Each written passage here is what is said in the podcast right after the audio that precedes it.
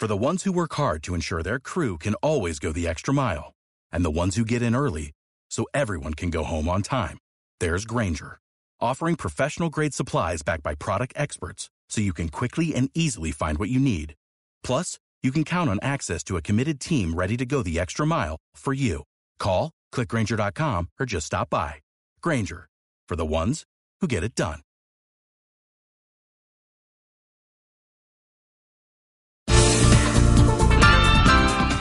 Infomatí.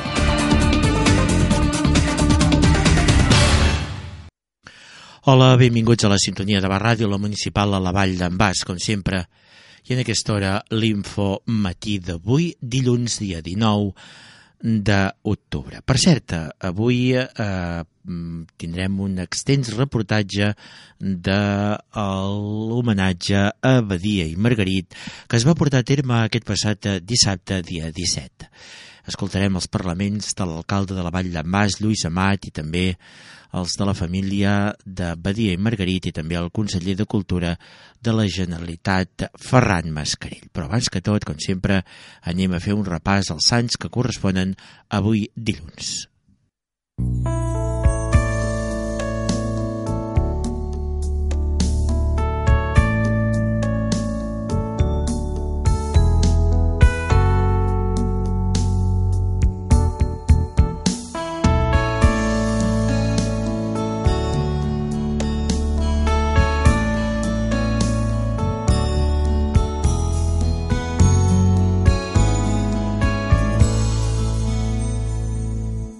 bé, i avui celebrem Sant Joan de Brebev i Sant Isaac Jugues, preveres i els seus companys màrtirs. De fet, vuit jesuïtes missioners dels indis hurons a l'Amèrica del Nord foren martiritzats pels indis i iroquesos, enemics dels hurons, entre els anys 1642 i el 1649. De fet, avui també celebrem Sant Pere d'Alcàntara, que fou franciscà, i també celebrem Pau de la Creu, que fou prevera i fundador. I també avui celebrem Santa Laura.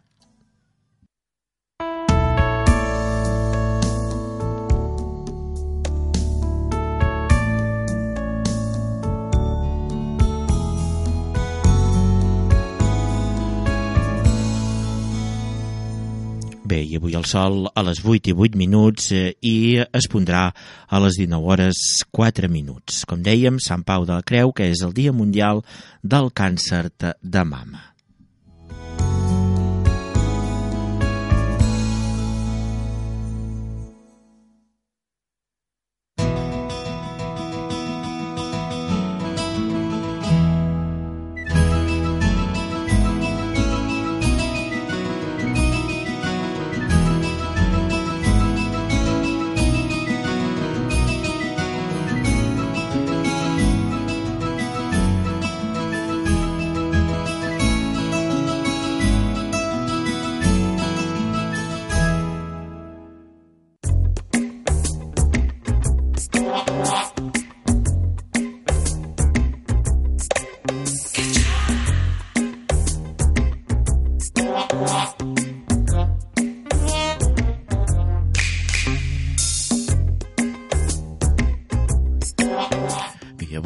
Dèiem, hem de començar parlant d'aquest acte homenatge a Antoni Maria Badia i Margarit que va tenir lloc a l'església de Sant Privat d'en Bas aquest passat dissabte, dia 17.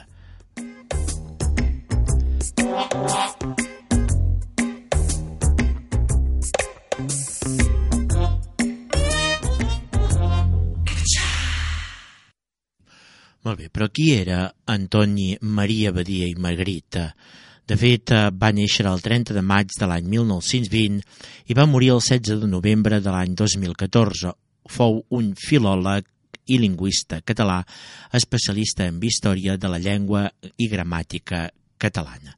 Va cursar els seus estudis d'ensenyament primari i batxillerat a la mútua escolar Balanquerna dirigida pel pedagoga Alexandre Gali i Coll, que li va infondre la preocupació pel llenguatge i estudiar els estudis universitaris catalans. I es llicencià en filologia, filologia perdó, romànica per la Universitat de Barcelona el juny de l'any 1943. Encetà els seus treballs d'investigador amb un estudi de morfologia històrica que constituïa la seva tesi doctoral l'any 1947 i posteriorment esdevingué catedràtic de gramàtica i història de la llengua espanyola i el 1987 la llengua catalana i rector de la Universitat de Barcelona el 1978 i el 1986, data des de la qual n'era honorari. De fet, cal dir que eh, Antoni, Badí, Antoni Maria Badia i Margarita, la seva família, com molt bé saben vostès, tenia, o en aquest cas hem de dir-ho així, tenia la casa Pairal, la casa que el seu pare havia comprat a Sant Privat d'en Bàsic, com aquesta casa s'anomena Cal Monjo, una casa eh, que està just davant de la plaça Major de Sant Privat d'en Bas. Aquesta casa, diguem-ho així, Pairal, gran, molt, molt característica de Sant Privat, doncs la va comprar la seva família. De fet, ara pertany a l'Ajuntament de la Vall d'en Bas i és per això també que ara, en l'entrada d'aquesta casa de Calmonjo, hi ha una placa en commemoració de eh, la recordança d'Antoni Maria Badia i Margarita. Doncs bé, avui recordarem tot aquest acte que va tenir lloc aquest passat dissabte, dia 17, a l'església de Sant Privat d'en Bas àmplia representació de institucional, en aquest cas l'Ajuntament de la Vall d'en Bas en ple, hi era present i també la representació, diguem, de la Generalitat, alta representació del conseller de Cultura, Ferran Mascarell. Comencem ara escoltant les paraules de l'alcalde de la Vall d'en Bas, Lluís Amat.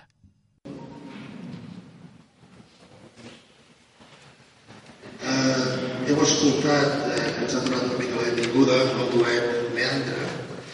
Són garrotxins i a més a més un d'ells veí de Sant Privat, però es fa molt de goig que sigui aquí. Uh, I si bé teníem pensat fer aquest acte, ara li deia el conseller, a la plaça, si haguéssim sabut que havia aquest dia tan formidable eh, l'haguéssim pogut fer, però per curar amb salut, mossèn ens va deixar fer l'acte a l'església per tant i estem doncs bon dia a tothom, veïns i veïnes, Associació de Veïns de Sant Privat, entitats, el GERCA, el CCT, COSCA, col·laboradors de la revista Ben Tallat, director de la revista, regidores, regidors, alcaldes, vicepresident del Consell Comarcal, president del Món Cultural, família Badia, honorable conseller. Moltes gràcies a tothom per fer-nos avui companyia. El d'avui, creieu-me, pretén ser un acte senzill d'agraïment i de petit homenatge en nom de la cultura. La cultura, que inclou coneixements, art, però també costums, creences, habilitats, llengua. Crec fermament que la cultura, així com l'educació, són el cor d'un poble, d'un país. Sense cor, difícilment podem sobreviure. Per això cal tenir cura i mantenir aquest cor ben fort i ben viu. Gràcies a persones com vosaltres que ens expliqueu històries i compartiu coneixements a través, en aquest cas, de la revista Bertallant des de fa 40 anys, i aviat és dit, i gràcies a persones com el doctor Badia Margarit, que a través dels seus estudis i estimació a la terra i al país ens ajuden a entendre'ns millor, la nostra cultura, per tant el nostre cor, es manté ben molt i ben fort. Ens ensenyeu i demostreu que la cultura i l'educació serveixen perquè la societat vagi millor. Permeteu-me fer un petit, una petita menció al poeta Miquel Martí Pol que deia ens nodrim de paraules i algunes vegades evitem en elles. Tot, si ho mireu bé, convergeix en nosaltres, perquè ho puguem convertir en paraules i perduri en el temps. El temps que no és res més que un gran bosc de paraules. Nosaltres som els pobladors d'aquest bosc. Doncs, com deia el poeta, molt agraïts per ajudar-nos a fer créixer aquest bosc. Gràcies, doctor Badia Margarit, per les seves ensenyances i la seva enorme generositat. Rebeu un molt sincer i sentit agraïment des de l'Ajuntament que represento i humilment, però decididament, farem tot el possible per mantenir el cor viu i fort i per seguir poblant aquest gran bosc de paraules. Moltes gràcies.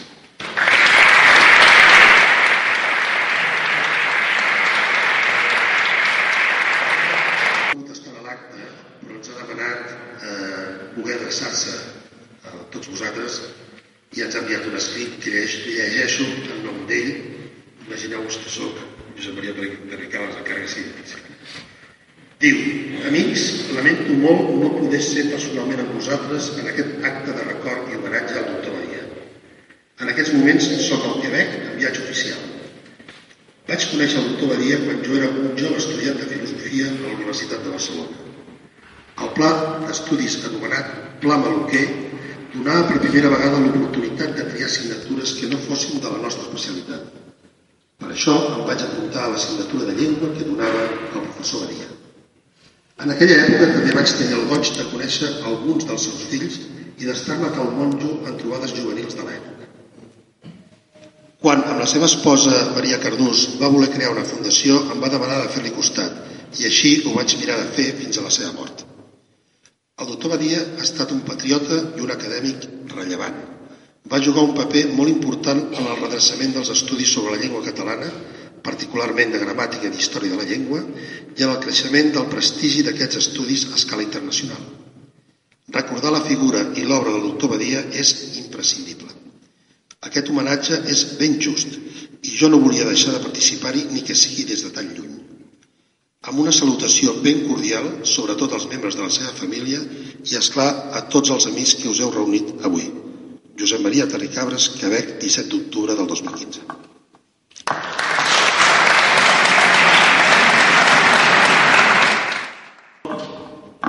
molt de goig veure aquesta església plena de gent eh, per celebrar doncs, aquests 40 anys de la revista Bertallat i també aprofitant l'acte doncs, per fer un homenatge al doctor Badia Margarit, doncs, que és un home, sabeu, molt vinculat doncs, aquí a Sant Privat, eh, que sovint, el diumenges, doncs, el teníem assegut aquí als primers bancs doncs, de, de l'Església.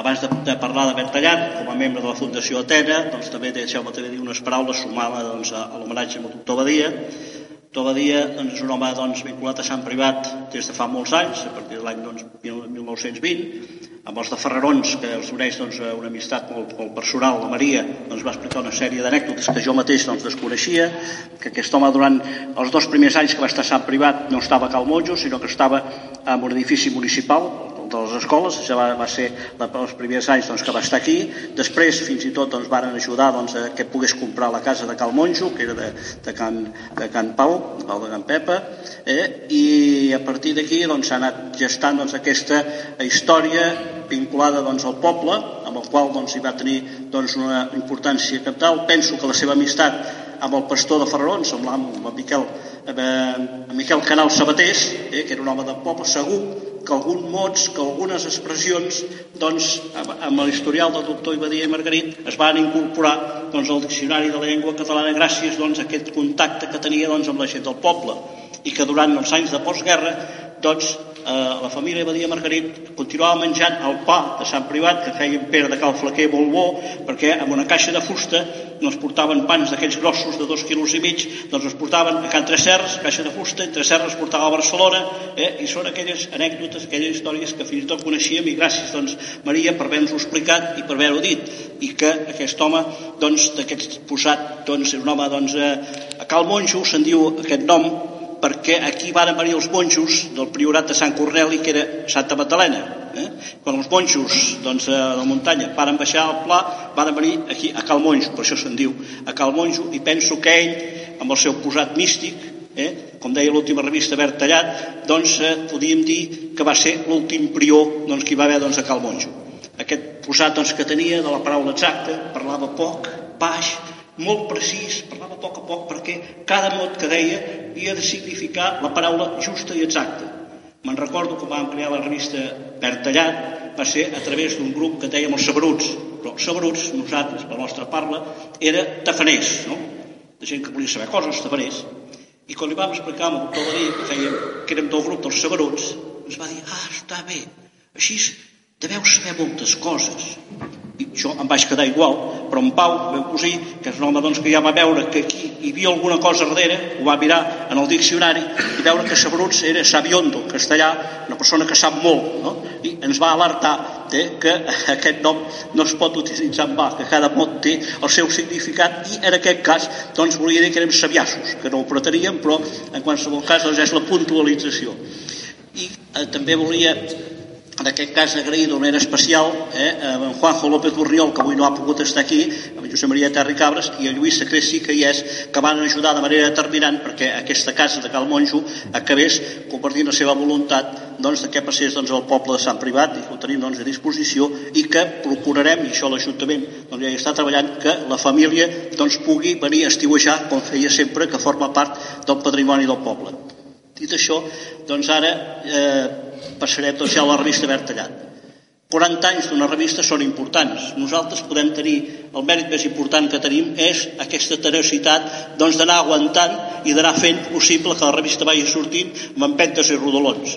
Agrair moltíssim a la gent que durant tot aquest temps doncs, eh, hi ha participat, eh, perquè ha fet possible doncs, que anés sortint, a l'Ajuntament que sempre doncs, ha anat suportant doncs, aquest cost econòmic eh, i ara aprofitarem doncs, aquest número especial eh, dedicat als 40 anys i demanem a tots els col·laboradors i tota la gent que vulgui aquí que faci un petit article doncs, relacionat doncs, amb, aquesta, amb aquest esdeveniment o que parli del que vulgui. En qualsevol cas, continuïtat. Serà un número especial que costarà algun caler més, però aprofitant que hi ha Ajuntament nou i els alcaldes nous no, no gosen dir vai que no, aprofitarem doncs, per fer una revista doncs, eh, molt ben, ben, ben lluïda.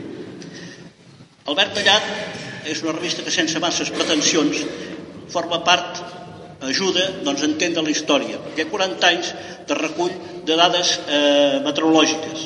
Penseu que aquest canvi climàtic es pot, si s'estudia bé, veure eh, com la tardor doncs, ve més tard, que les temperatures doncs, no són tan baixes, que, que hi ha un cert escalfament.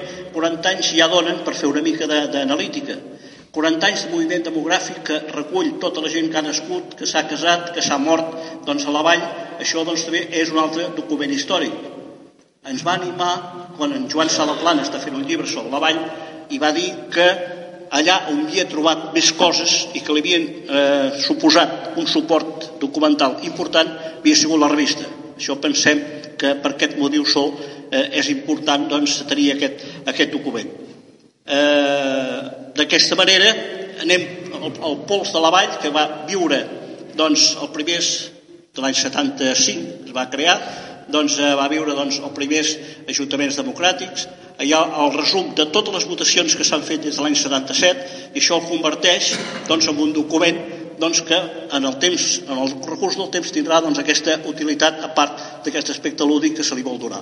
Eh, simplement reiterar el meu agraïment a tota la gent que ha col·laborat, pensar doncs, que se vagi incorporant gent nova doncs, a la col·laborar amb la revista per tal que pugui complir aquest 50, aquest centenari i que pugui ser doncs, una revista que tingui referència en el temps. Moltes gràcies.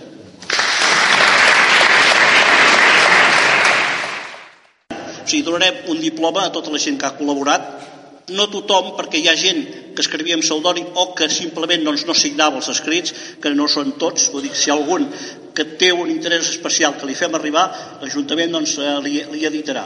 També volia recordar d'una manera molt especial la gent que ha col·laborat i que malauradament avui no són entre nosaltres, com en Jordi l'entorn Vilà, que gràcies a ell amb els amics del Vescomtat de Bas doncs va incorporar mossèn Joan Pagès, que van recuperar gran part de la nostra història, eh? i després tots, Jordi, eh, Josep Joan Pagès Pons, en, Josep, en Jordi Dou Mas de Xixàs, en Florentino Sanz Garcia, en Jordi Pugil la Ribera, en José Zamprano, que va fer una portada, la segona de la nostra revista, en Josep Malció, Mel, en Juli Bataller, en Josep Maria Miràngels Barris, en Joan eh, Fajula Geli, en Ramon Llongarriu Montsalvatge, l'Antoni Matilló, en Mateu Tarrús, en Xavier Carbonell, que també havia fet alguna portada, en Josep Passols Mallarac, en Josep Maria de Solà Morales Rosselló, Montserrat Pujol Soler, Mercè Baiona Bonsoms, Xesco Boix Bas Ramon, Xesco, cantant, que havia incorporat a les seves cançons alguna treta del veïnat de Poca Fria de Sant Privat, en Josep Maria Boix també Bas Ramon, en Joan Fluvià i Guavella, en Narcís Uller, en Joan Casolà, Albert Manero, pintor que també havia col·laborat, i la Tresona Plana Gomà. Sigui, tots ells també manera molt especial, moltes gràcies. Molt bon dia a tothom. família Badia, conseller alcalde, amics de la revista Bertallat i benvolguts veïns i veïnes de, de Sant Privat. Aquest és un país que s'estima especialment els, els seus filòlegs i els seus lingüistes i penso que també els filòlegs i lingüistes s'estimen el país. No? Recordo unes paraules de Pompeu Fabra que deia si fallava jo, fallaria tot, d'alguna manera. Fins a aquest punt, a vegades penso que pesa sobre, sobre els nostres filòlegs i estudiosos de la llengua i de la cultura catalanes una, una sensació de no poder fallar, d'haver de ser fidels a la cultura, a la llengua i a l'ànima del país. Des d'aquest punt de vista, m'ha fet gràcia, mirant aquests dies, preparant una mica aquestes breus paraules, que la revista Sapiens fa pocs mesos treia un reportatge especial sobre els 462 catalans més vigilats pel franquisme. I allà hi havia el senyor Antonio Badía Margarit, nacido el 30 de mayo de 1920 en Barcelona, casado, catedrático, hijo de Agustín y Antonia, catalano separatista, demòcrata cristiano. És a dir, que ja al nou franquisme el doctor Badia ja era estretament vigilat doncs, per, la, per la policia, senzillament, probablement, doncs, pel seu estudi eh, de, la, de la llengua i de la cultura, perquè d'alguna manera intuïen aquells eh, franquistes que eh, justament el redreçament del poble català, l'alliberament del poble català anava per ell doncs, en el seu redreçament de la seva llengua i de la seva cultura. Eh, altres podran parlar molt millor que jo de la seva valua com a lingüista, com a filòleg, sabeu que va ser Premi d'Honor de les Lletres Catalanes d'Òmnium i d'alguna manera va tenir tots els màxims guardons cívics i professionals que aquest país eh, que aquest país concedeix, però a mi m'agradaria avui valorar també la tasca patriòtica de, del doctor Badia en un moment, a més a més, que sembla premonitori. Jo recordo aquell començament dels anys dels anys 2010, aquell 2009-2010, quan, quan d'alguna manera començava a arrencar aquests, aquests cinc, cinc anys que hem viscut frenèticament, diabòlicament, tots plegats. Aleshores, el doctor Badia va tenir també el gest que calia. I unes paraules seves van ser aquestes. Aquest poble català ha lluitat i s'ha defensat durant segles per obtenir una vida digna. I afortunadament les circumstàncies han fet que avui se'ns presenti la possibilitat de dur a terme els nostres objectius, de ser nosaltres qui ens dirigim i apliquem la nostra voluntat a la nostra terra.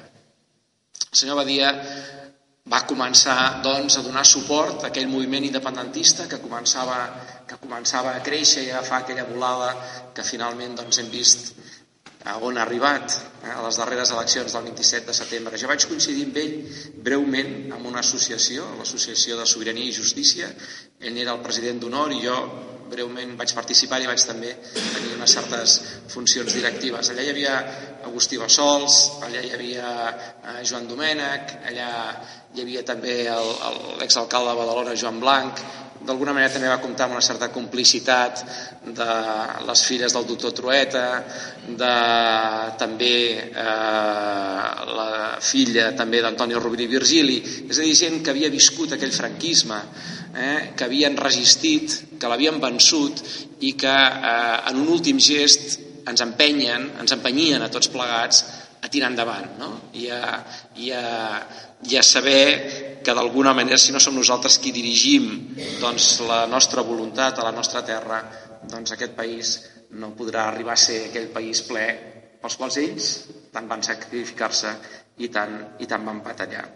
Penso que també és molt oportú, en aquests moments que s'han obert des de les últimes eleccions, unes últimes paraules seves, que deia així, unim-nos, només units podrem treballar junts, només units podrem discutir, només units arribarem a la fi, només units veurem el nostre somni realitat, i el nostre somni és i serà la independència.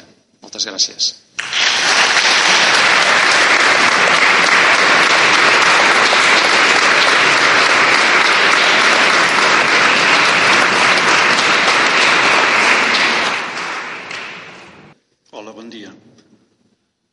Moltes gràcies a l'Ajuntament per aquesta iniciativa, per haver-nos invitat i per oferir-nos de dir unes paraules en aquest homenatge en el nostre pare. Per nosaltres, aquesta, aquesta plaça, aquesta casa, aquesta església, ens porten molts records i moltes vivències a tots, a tots els fills. Com és natural, cada un de nosaltres ha anat fent el seu camí a la vida i sovint, ara ja, quan tenim una edat, eh, les emocions i vivències que ens queden del passat són diferents. Amb aquestes paraules, però, intento expressar aspectes dels nostres records i, de, i vivències que segur que compartim tots i que espero també compartiria el nostre germà Oriol si encara pogués ser avui aquí entre nosaltres. Per nosaltres, en el record del pare, s'hi barregen, és quasi inevitable, els aspectes privats personals amb els més públics i també per l'edat doncs, se'ns barregen els fets més recents amb els de fa més anys. Però hi ha una cosa que és segura.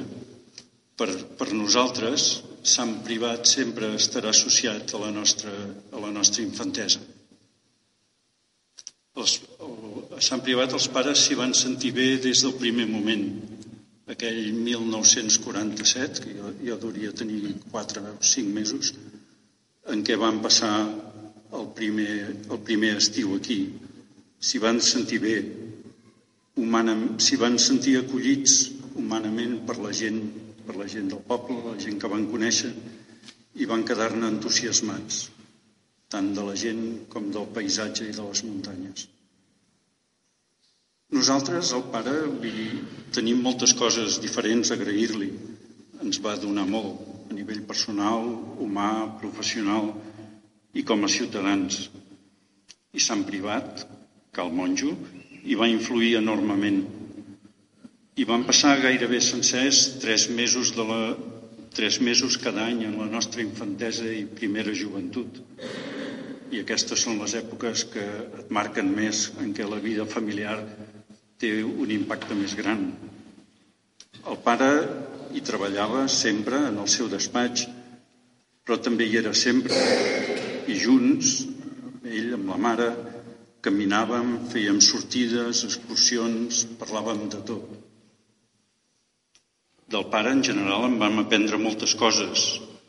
El rigor, l'amor a les coses ben fetes, l'optimisme, la tolerància, l'excursionisme i l'amor a la natura, l'estimació per la llengua i el país, una visió oberta europea de les coses.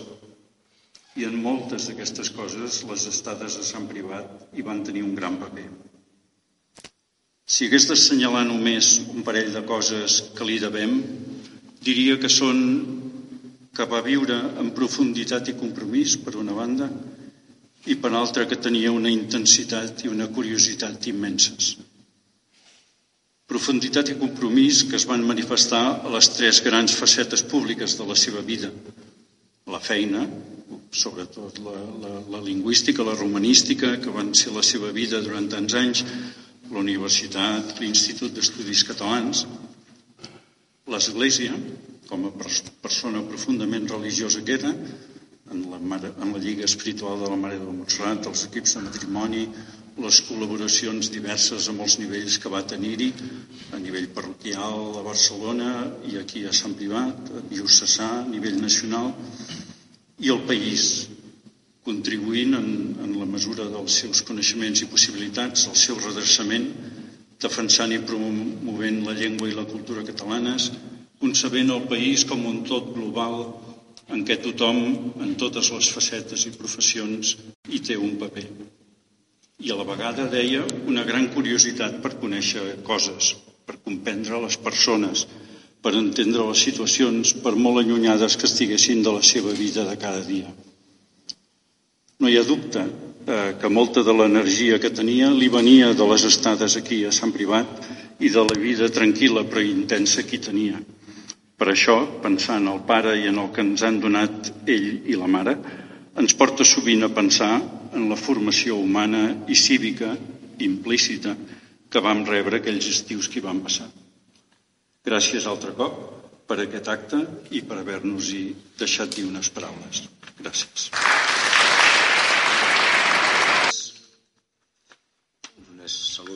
Bé, escoltarem també el conseller de Cultura, Ferran Mascarell, després d'haver escoltat les paraules dels seus fills, en aquest cas familiars, d'Antoni Maria Badia i Bargarita. Els seus fills, el Toni, en Xavier, en Joan, la Montserrat i la resta de la família, saludar el president d'Òmnium i agrair, reiterar l'agraïment a l'alcalde i a la seva corporació el fet d'haver-me convidat a participar d'aquest acte tan, tan entranyable i tan significatiu. Eh, estem aquí per un doble motiu, així, així ja s'ha expressat. D'una banda, doncs, per celebrar els 40 anys d'una publicació i d'altra banda per honorar un home molt important, savi, important, significatiu de la nostra, de la nostra, de la nostra vida. Deixeu-me començar per dir que ho estem fent en el context d'una iniciativa d'un municipi, estem honorant a un home i a més un home que ens ha portat moltes coses i a més a més estem recordant una iniciativa que ha tingut una gran importància. És gairebé impossible expressar millor la síntesi del, del que ha construït aquest país que nosaltres tenim, el país que som. D'una banda, el talent d'una persona, d'altra banda, una iniciativa compartida, impulsada per molta gent, i finalment doncs, eh, aquest paper preeminent que els ajuntaments han tingut en la nostra vida col·lectiva. Quan algú em pregunta què és Catalunya, acostumo a dir el talent de les persones, la capacitat d'emprendre de les persones, és dir, la capacitat de fer coses, gent que després no apareix eh, en, la, en les enciclopèdies, però que en canvi sumades representen aquesta força col·lectiva que fa que el país sigui el que és. I finalment aquest lloc fonamental que acaba sent un ajuntament, que és el lloc de trobada, el lloc de base, el lloc a partir del qual hem construït el nostre país. Si mirem la història del país, bàsicament és aquestes tres coses. Hi ha altres països que segurament diuen el paper fonamental de les institucions de l'Estat. Nosaltres no ho podem dir. Nosaltres bàsicament hem sumat a partir d'aquestes tres coses que acabo de dir. Les institucions de l'Estat més aviat al contrari, han sigut institucions eh, més aviat eh, que han perjudicat, que no han ajudat, que han posat difícil la tasca justament de la suma que acabo d'expressar. Talent individual, molta força associativa i cooperativa i aquest aquesta unió que finalment representen els ajuntaments on eh, les persones s'han trobat i han, han desplegat doncs, aquests magnífics pobles, ciutats, aquesta força sumada que representen el conjunt del nostre territori, el, el, el, el, la, nostra vida, la nostra vida municipal. És gairebé impossible trobar una síntesi més perfecta del que jo personalment crec que és eh, doncs, la força matriu, la força motriu del nostre, de, la nostra vida, de la nostra vida col·lectiva. Eh, ens trobem, doncs, per honorar eh, a, a, una persona i a una iniciativa col·lectiva. Deixeu-me començar per la iniciativa col·lectiva, per la revista. Una revista, una revista pot semblar que és una anècdota en la vida d'un país, però jo sóc dels que creuen que la història de cadascú de nosaltres només s'entén si es relliga molt bé allò que són les grans circumstàncies de la història amb aquells elements que configuren les nostres quotidianitats. És en aquest joc entre les grans circumstàncies i les quotidianitats que s'explica el, el com cadascú de nosaltres construeix la seva vida. Una revista és una iniciativa, una revista és una iniciativa col·lectiva d'unes quantes persones que tenen ganes, ganes de dir coses, que tenen ganes d'expressar coses. Una revista és abans que cap altra cosa un, un mecanisme, un instrument de reflexió, és un instrument d'intercanvi d'informació, és un instrument de trobada de persones, però també és un instrument de pluralitat. I és gràcies a aquests instruments que el nostre país és plural i divers i que la nostra voluntat democràtica s'expressa a través de la presència de tantes mirades plurals com persones som i aquestes persones agrupades, doncs, aquestes mirades col·lectives que ens permeten ser un país profundament democràtic i que estima profundament la diversitat. Crec que una revista és essencialment el lloc de trobada d'aquesta mirada plural sobre les coses que ens envolten. Si a més a més és, té aquest caràcter que en aquest cas heu desplegat vosaltres durant 40 eh, anys, doncs del lloc de mirada preferent sobre un entorn, fa una contribució essencial a la identitat, a la identitat propera, a la més, a la més immediata. Per tant, té un paper eh, extraordinàriament fonamental. I ho dic gens retòricament, la meva primera feina va ser fer d'editor de revistes, eh, ser el que buscàvem en aquells anys primers, m'hi refereixo perquè després m'hi tornaré a referir amb el, amb el doctor Badia. Per tant, crec que heu fet una gran aportació, feu una gran aportació i és molt, molt important per al país que aquestes revistes existeixin, perquè expressen essencialment proximitat, reflexió, pluralitat, fonament democràtic, país fet des de la, des de la base i, en aquest cas, també m'hi tornaré a referir, llengua. Totes aquestes coses sumen en el que representa una publicació com la que vosaltres heu fet, eh, com, les que, com la que esteu proposant continuar fent, i em sembla doncs, una expressió de cultura i de democràcia per al nostre país que vull agrair. Estic aquí, entre altres coses, per agrair el que significa una publicació com aquesta per al conjunt del país, ja no només per, per l'entorn, per la vostra comarca, per les vostres eh, viles, pobles, sinó bàsicament per al conjunt del país. Per tant, moltíssimes, moltíssimes gràcies per aquesta aportació que feu. He citat com a última expressió de la revista La Llengua, i això m'enllaça, no cal dir, amb el doctor Badia i Margarit. Del doctor Badia i Margarit, tots els que comencem a tenir alguns anys, eh, podem, podem recordar i dir bastantes coses. Eh, el meu, la meva última imatge del doctor Badia i Margarit és la medalla d'or de la Generalitat que li vàrem donar el 2012 eh, jo era conseller eh, ja en aquells moments eh, i recordo molt bé l'acte, recordo molt bé el president de la Generalitat, recordo molt bé l'expressió emocionada del doctor Badia en aquella, en aquella circumstància que va ser extraordinària per tots perquè érem, teníem la consciència de que estàvem honorant eh, com a país a un home que ha fet una gran aportació a la vida cultural del nostre país, a la vida cívica del nostre país.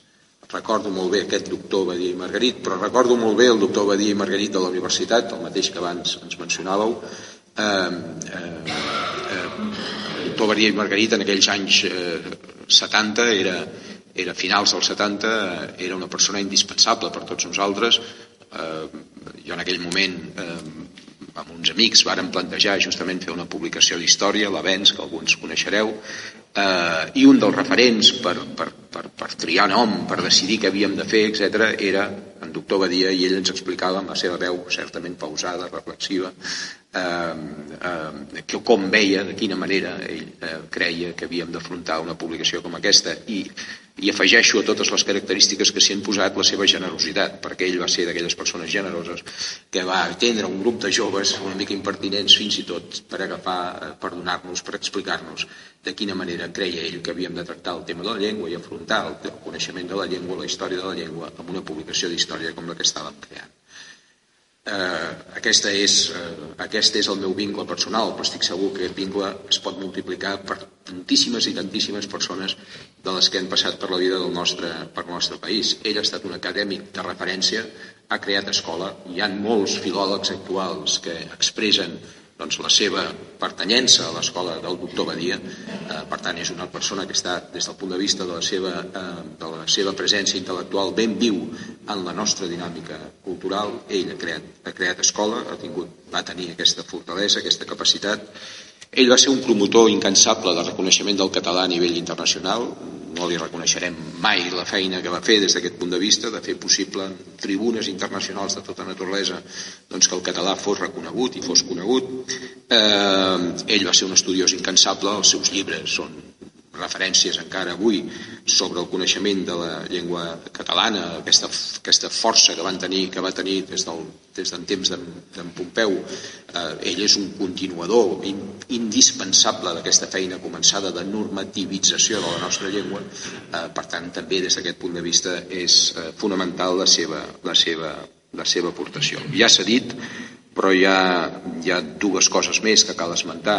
Aquesta, aquesta ciutadania cívica que ell representa, compromesa, s'ha dit, profunda, compromesa, tranquil·la, però profundament compromesa amb el, amb el país des d'aquell catalanisme doncs, que ell representava i que es recollia molt bé amb tota la tradició que venia pràcticament de, de mitats del segle, del segle XIX només esmentar per, per, per, per acabar eh, aquesta estima que ell tenia per al conjunt del domini lingüístic, perquè ell va ser una persona que va dedicar molt esforç a que el català de Catalunya, el català de les illes, el català del País Valencià, eh, el que significa el conjunt del domini lingüístic, tingués aquells ponts de, de vincle, aquelles, aquelles relacions aprofundides que permetessin a tothom entendre que estàvem parlant de la mateixa realitat lingüística i de la mateixa realitat eh, cultural. Ho va fer incansablement, per tant, una persona que va estimar molt el país, va estimar ben segur, eh, tal com heu esmentat, doncs aquesta plaça i tot aquest indret que abans deies doncs, que fins i diu diu, jo hi vaig ser aquí quan tenia només uns mesos, dic, però no te'n deus en recordar, diu, bueno, no, però estic segur, estic segur que el tinc ben perfilat encara en el meu, en el meu interior. Doncs bé, des d'això, que segur que estimava molt, doncs fins a aquest conjunt del domini lingüístic eh, que ell reconeixia com a part de la seva pròpia vida, de la seva pròpia vida eh, eh, cultural. La Vall d'en Bas eh, eh, i Sant Privat i al costat doncs, tots, totes les terres del que del que n'hi hem dit domini lingüístic o penso que podem dir països catalans sense perdre, sense, sense perdre el sentit de les coses. Eh, ha sigut una persona imprescindible, per tant, amb la nostra vida cultural i ens relliga molt bé amb el que, amb el que ha significat doncs, el talent de les persones i la voluntat col·lectiva per fer possible que el català segueixi, segueixi sent, sigui ja una llengua d'Europa, una llengua reconeguda, una llengua que ara ens costa d'imaginar que pugui tirar enrere. Ara ens costa d'imaginar que pugui tirar enrere, ens, pugui, ens costa molt d'imaginar. Crec que hem vençut, jo dic moltes vegades que el català ha vençut gràcies a gent com en Badia i també a la voluntat dels ciutadans. Quan dic això sempre me n'en recordo, sempre em ve al cap aquella, aquella sentència d'Antoni de, de Capmany, un fill de Sant Feliu de Guíxols, oi? que cap a finals del 18 va dir allò de el català està perdut per la República de les Lletres. És dir, ell va estar, era un home il·lustrat, era un home, era un home estudiós, no era un qualsevol, era un home amb talent, que va, estar, va arribar a estar convençut, un home de Sant Feliu de Guíxols, no era un home de, de fora, eh, va arribar, va, es va arribar a creure que el català s'havia perdut definitivament a finals del segle XVIII.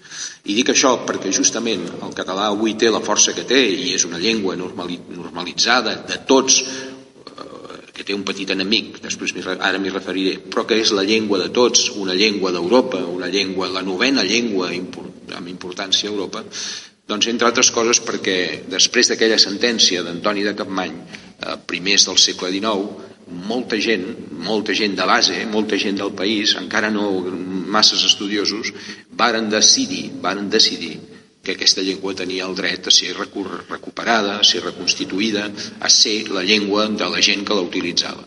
I des d'aleshores, doncs pràcticament al llarg dels últims 150 anys, eh, peça a peça, detall a detall, primer per voluntat de la gent, del poble, insisteixo, i després per la força dels acadèmics, és a dir, la gent que hi ha dedicat esforços, esforços a donar-li solvència acadèmica, a fer-la, a construir-la des del punt de vista de, les, de, de, la seva interioritat com a llengua, hem aconseguit, gràcies a la suma d'aquestes dues coses, estar on estem.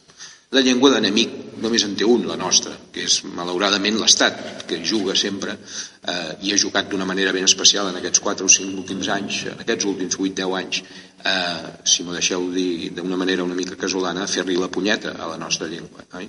Mm, és difícil entendre per què un estat pot tenir aquesta obsessió per des, desfer la força i la contundència d'una llengua. És difícil d'entendre, però bé, la qüestió és que certament ha passat eh, i hem tingut i hem de seguir mantenint doncs, la, la, la, la, la voluntat i la força que segurament no caldria si la llengua pogués progressar amb normalitat sense tenir eines d'estat en contra, eh, com ens, es materialitzen sovint, com hem vist en aquests anys a la nostra escola, com hem vist en aquests anys a les illes, com hem vist en aquests anys al País Valencià. Per sort, hi han símptomes bons a les illes, hi han símptomes bons al País Valencià, eh, hi han símptomes bons entre nosaltres, no hem, no hem acceptat que determinades coses s'imposin a les nostres escoles. Bé, tot això sumat ens dona, al meu entendre, encara més la perspectiva de la importància que ha tingut gent com en Badia i Margarit, gent com revistes que han, han fet servir el català com a llengua d'expressió doncs per la continuïtat del nostre, del nostre, del, de la nostra llengua i de la nostra, i de la nostra cultura. La recepta de base del nostre país l'he expressat al principi i em sembla que serveix bé per expressar el sentit d'aquest acte. Talent de la gent, societat civil, ajuntaments, unitat, la que demanava en Badia i abans ens espantaves, eh, com a elements fonamentals per construir, per desplegar, per desplegar el país. Bàsicament, el que al nostre país està succeint ara és, al meu entendre, la voluntat de recolzar, d'afinar, de consolidar tres drets, encara que normalment ens ho mirem d'una altra manera. Al meu entendre, la lluita del poble català és una lluita per tres drets. El primer és el dret a la memòria, a tenir construïda la memòria i, per tant, dins de la memòria incloc tot el que representa la llengua i la cultura d'un país, eh, el dret a tenir-lo construït com tots els altres països o societats del món. El primer és el dret a la memòria. El segon és el dret a la democràcia. El que estem discutint és bàsicament un dret de caràcter democràtic. Els pobles tenen dret a decidir com volen viure i tenen dret a fer-ho des del punt de vista estrictament i més estrictament democràtic, tal com els catalans estem plantejant. Estem davant d'un combat democràtic, estem entre l'autoritarisme i la democràcia. Això és el que estem discutint en aquests moments a Catalunya. I el tercer element, que al meu entendre és fonamental, és el dret a imaginar un futur millor. Qui li pot negar a un país el seu dret a mirar de construir un país millor que el que té? Qui pot negar-ho? Només l'autoritarisme. És impossible que ningú pugui oposar-se a que una comunitat decideixi de quina manera vol construir un país millor justament per afavorir aquestes eh, realitats, per sortir d'aquestes realitats que ens angoixen, que ens preocupen, que perjudiquen a tantes i tantíssimes i tantíssimes persones. Estem lluitant per tres drets, el de la bona memòria, el de la democràcia i el de la imaginació i construcció d'un país millor. I tal com s'ha dit, eh, tot això ho fem eh, des del convenciment de que dins un país millor necessàriament hi ha d'haver una més bona, una més rotunda, una més sòlida cultura. Un país culte, finalment, és un país doncs, que utilitza més bé d'una millor manera els coneixements i els valors. Un país culte és un país que dona a cadascuna de les persones la capacitat de construir el seu relat de vida amb més solidesa i per tant un país més culte és un país que finalment acaba sent més just, acaba sent més democràtic, acaba sent més sostenible, acaba sent més pròsper, sobretot acaba sent més just. I per tant, i des d'aquest punt de vista, aquest dret a la memòria, aquest dret a la democràcia i aquest dret a construir un país millor, fonamentalment és el fonament, és el fonament bàsic d'una societat més culta. I per això estem avui eh, eh, lluitant com lluitem eh, a casa nostra. Per aquestes raons estem lluitant com lluitem. I és en aquest context doncs, que pren una, no entendre, un, un sentit extrem, un sentit amb el, amb el, amb, tal com ho diríem l'espriu, que honorem a persones com en Badia i Margarit i que reconeixem esforços com el d'una revista que, que fa 40 anys i que ha significat tantes coses per la comarca i per la vila. Per totes aquestes raons, alcalde i a tots els presents, doncs, eh, moltíssimes gràcies per l'honor d'haver-me deixat participar, d'haver-me demanat que estés aquí amb vosaltres. Ho faig en nom propi, ho faig en nom del president de la Generalitat, en nom del president de Catalunya. Moltes gràcies. La vostra aportació com a ciutadans ens fa el país gran que som. Moltes gràcies. Molt bé, hem escoltat les paraules del conseller de Cultura, Ferran Mascarell, amb aquest acte tan entranyable d'aquest passat dissabte, dia 17 d'octubre, a l'església de Sant Privat d'Ambas. Uh, bé, us volia anunciar eh, que precisament per tot el que s'ha estat dient, el passat 29 de setembre, en el ple de l'Ajuntament, eh, vam aprovar per unanimitat eh, dedicar un espai al doctor Badia i Margarit i aleshores eh, més ben buscar un espai que no tingués nom i eh, el lloc de la Pollancreda, a l'entrada de Sant Privat, es dirà eh, oficialment eh, Pollancreda doctor Badia Margarit. Eh, aquest acte el farem més endavant. El que avui farem serà un cop eh, el duet eh, ens, ens faci una petita peça, repartirem els diplomes eh, d'aquí una estona i després anirem cap aquí al Monjo, que esteu tots convidats a ser-hi, aneu a poc a poc, sobretot a la part de dalt, que no hi cabem molta gent, però a l'eixida hi ha un petit pica-pica, però abans d'entrar-hi eh, destaparem una placa en el que eh, quedarà per sempre el fet de que el doctor Badí Margarit i la família van donar a l'Ajuntament amb tanta generositat aquesta casa. Mm? Per tant, eh, deixem a, a i farem, i farem tot, tot això. Moltes gràcies.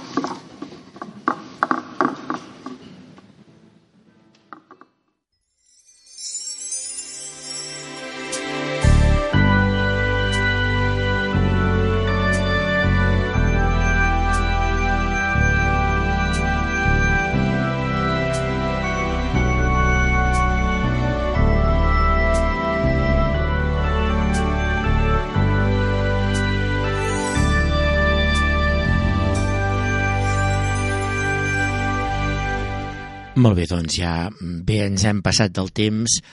Eh, mm, amb aquest, eh, diguem, reportatge d'aquest passat dissabte. De fet, eh, recordin també que aquest passat diumenge a la plaça Major de Sant Privat d'en es va portar la primera vertical, vertical al Puigsecal, 1.500 metres, del qual doncs, els corredors havien de sortir, o sortien, per ser més exactes, de la plaça Major de Sant Privat d'en en direcció cap a dalt al Puigsecal. I ho havien de fer amb un temps rècord. No tenim més temps, de fet aquesta notícia ja l'ampliarem i parlarem als responsables d'aquesta primera marxa al Puig Xacalm. Ho farem amb el Geca Llatissonada, però sembla que el que ens han anat dient i el que ens han informat ha anat molt bé, tot i que al matí estava molt emboirat, hi havia molta, diguem, humitat i a partir de les 11 el temps es va començar, diguem, a destapar. En tot cas, ja en parlarem àmpliament amb altres infomatins o infovalls per tractar aquesta notícia també que es va esdevenir aquest diumenge dia 18 a Sant Privat d'en Bas, dia 18 que també recordin la Fira de Sant Lluc a Olot. Com que no tenim més temps, doncs deixem aquí el tema pendent i com sempre ja saben trobaran més informació en els diferents infovalls ja saben, a la 1, a les 5, a les 7 i les 9 i, com sempre, a partir dels infovalls, infomatins, a partir de les 7 del matí.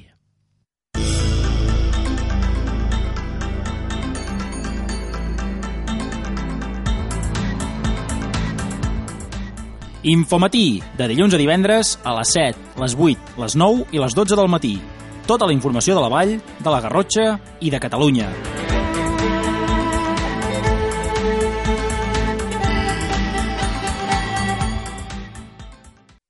Bé, de totes maneres, eh, recordant-los que si volen, volen recuperar aquesta informació ho poden fer a través del Facebook de l'emissora, que és emissora de ràdio Bas Ràdio 107.9, on trobareu ja eh, la, eh, aquest reportatge de l'homenatge a Antoni Maria Badia Margarita, del qual doncs, eh, podreu seguir també altres reportatges i altres notícies que hem tractat aquí a Bas Ràdio. A través del Facebook de l'emissora podreu seguir els àudios de tota la informació que anem desenvolupant dia a dia. En tot cas, aquesta informació de l'homenatge a Badia Margarit la trobareu ja a internet a partir de demà, dia 20 de octubre. Ara sí, ara ens acomiadem i com sempre ja saben trobaran més informació en els diferents infovalls i infomatins tal com ja els hi havíem eh, informat.